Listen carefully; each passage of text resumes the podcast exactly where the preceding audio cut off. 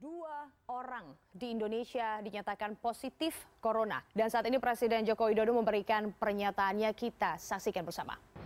Apa, anaknya ibu tadi yang berumur 31 tahun dan ibunya yang berumur 64 tahun. Dua-duanya positif corona itu ada di Indonesia, di sini.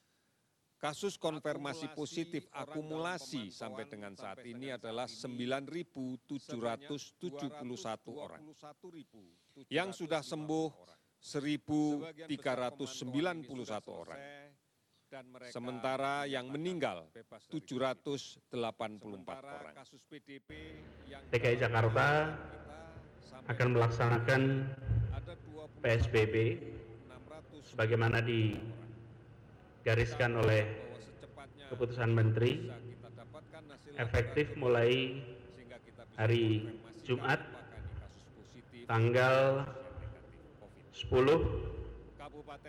April 2020.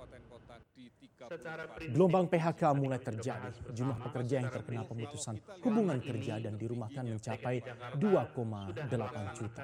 Direktur Jenderal Pembinaan Pelatihan dan Produktivitas Kementerian Ketenagakerjaan Satrio Lolono menilai lonjakan PHK dan pekerja dirumahkan sebagai dampak ekonomi di tengah pandemi virus corona. Ia mengaku mengalihkannya menjadi kegiatan belajar di rumah, kemudian menghentikan kegiatan peribadatan di rumah-rumah ibadat, mengerjakan kegiatan peribadatan di rumah. Kemudian begitu juga dengan pembatasan transportasi, semuanya sudah kita lakukan selama tiga minggu terakhir ini. Diam, berisik sekali.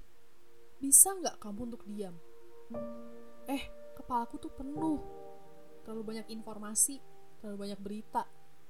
Dan saya nggak tahu harus berbuat apa. Atau mungkin suara berisik ini hanya di kepala aja.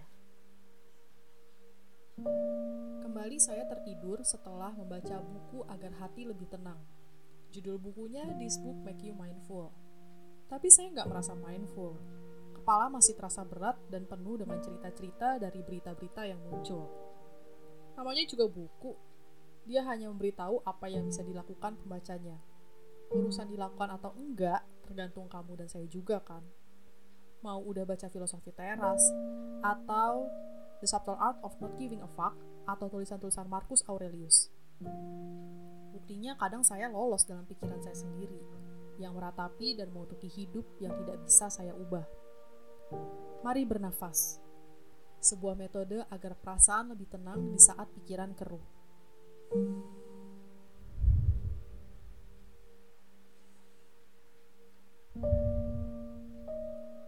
Baiklah, sekarang sudah lebih tenang hanya dengan menghirup udara lebih cepat dari mengeluarkannya. Sebuah metode yang ajaib. Dan kini mari berbicara di sebuah pojok ruangan semi terbuka dengan tanaman hijau di sekitarnya. Agak panas memang, karena nggak ada AC. Tapi saya yakin bahwa di sini lumayan sejuk. Ditambah ada suara burung berkicauan. Sudah lama saya tidak mendengar suara burung dan baru hampir dua bulan pandemi ini baru terdengar suaranya lagi. Eh, tapi kamu juga merasakan hal yang sama nggak sih? Ada beberapa hal yang kembali terlihat sejak banyak orang di rumah aja. Ya, selain berita memusingkan itu, kalau dipikir-pikir ada banyak hal yang berubah. Tinggal hitung aja, mana perubahan yang membawa berkah, mana yang membawa bencana. Kabar saya saat ini not good enough. Dari beragam berita yang datang membuat saya tertrigger atas kemarahan dan kecemasan. Kecemasan pertama, soal kesehatan. Eh, tahan gak sih untuk tinggal dalam lingkungan di mana ada orang yang positif, tapi dia tinggalnya di dekat tinggalmu? Cerita-cerita di kepala muncul. Tadi papasan dengan saya atau keluarga nggak ya di jalan? Sekarang keadaannya gimana ya? Rumah sakit bisa nampung nggak? Dia bisa sembuh nggak? Gimana dengan keluarganya? Tunggu sebentar ya, ada WhatsApp masuk. Kita duka cita lagi. Tapi kami nggak bisa melayat mereka. Gimana ya perasaan mereka? Walaupun ini yang meninggal bukan karena COVID-19, yang COVID-19 aja pasti sedih karena nggak bisa mengantar ke liang lahat. Mudah sekali saya ke-trigger. Ditambah berita resesi ekonomi. Banyak yang kehilangan pekerjaan dan keadaan orang sulit makan. Dunia sedang jungkir balik di si kecil yang gak kelihatan. Boleh nggak kita menyewa Ghostbuster gitu untuk memburu virus ini? Karena tuh dia seperti hantu. Ah, ternyata saya juga percaya hal-hal klinik dibanding hal-hal logis seperti mendengarkan virologis atau para dokter. eh, nggak cuma kamu yang berpikir kayak gitu. Saya juga diliputi rasa cemas dan kemarahan. Walaupun ya mau gimana lagi coba. Coba jalani aja nggak sih? Namanya juga hidup. Kita juga nggak ada yang tahu kalau ini bakalan kejadian. Dan kejadiannya mau sampai kapan. Iya sih. Eh, ini juga lagi ditanyain nih acara di bulan Juni jadi atau enggak. Mau jawab juga bingung. Menanyakan kepastian di tengah ketidakpastian. Halu banget. Gak ada COVID-19 aja, hidup tuh juga gak pasti. Semua penuh dengan resiko. Naik kendaraan, resiko kecelakaan. Keluar rumah, resiko jatuh. Gak usah deh keluar rumah, di kamar mandi juga resiko jatuh. Ada banyak juga kan kematian karena jatuh di kamar mandi. Iya sih, gak ada COVID-19, hidup aja udah penuh ketidakpastian.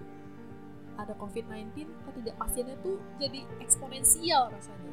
Mirip kurva COVID-19. Tapi di situ mungkin jadi kita diingatkan bahwa satu-satunya yang pasti adalah ketidakpastian. Dan manusia dengan sombongnya memberikan kepastian untuk yang kurang-kurang pasti. Ngomong apa saya ini? But that's true.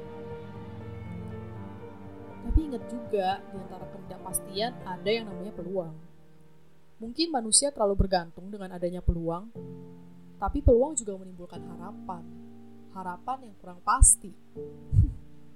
Kalau mengetahui akhir dari semua ini, saya jadi sedih lagi.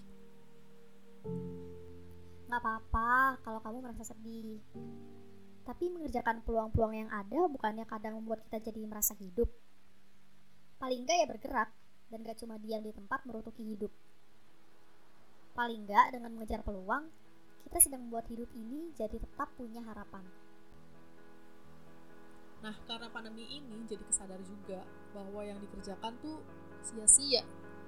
Dan yang pasti kita hadapi adalah kematian. Entah itu karena COVID-19, kelaparan, dimakan usia, atau hal-hal lain. Tapi ya, karena hal ini kita tuh jadi lari-lari menjauh dari kematian untuk bertahan hidup. Lihat aja tuh penimbunan masker, mafia alat kesehatan, kriminalitas makin tinggi.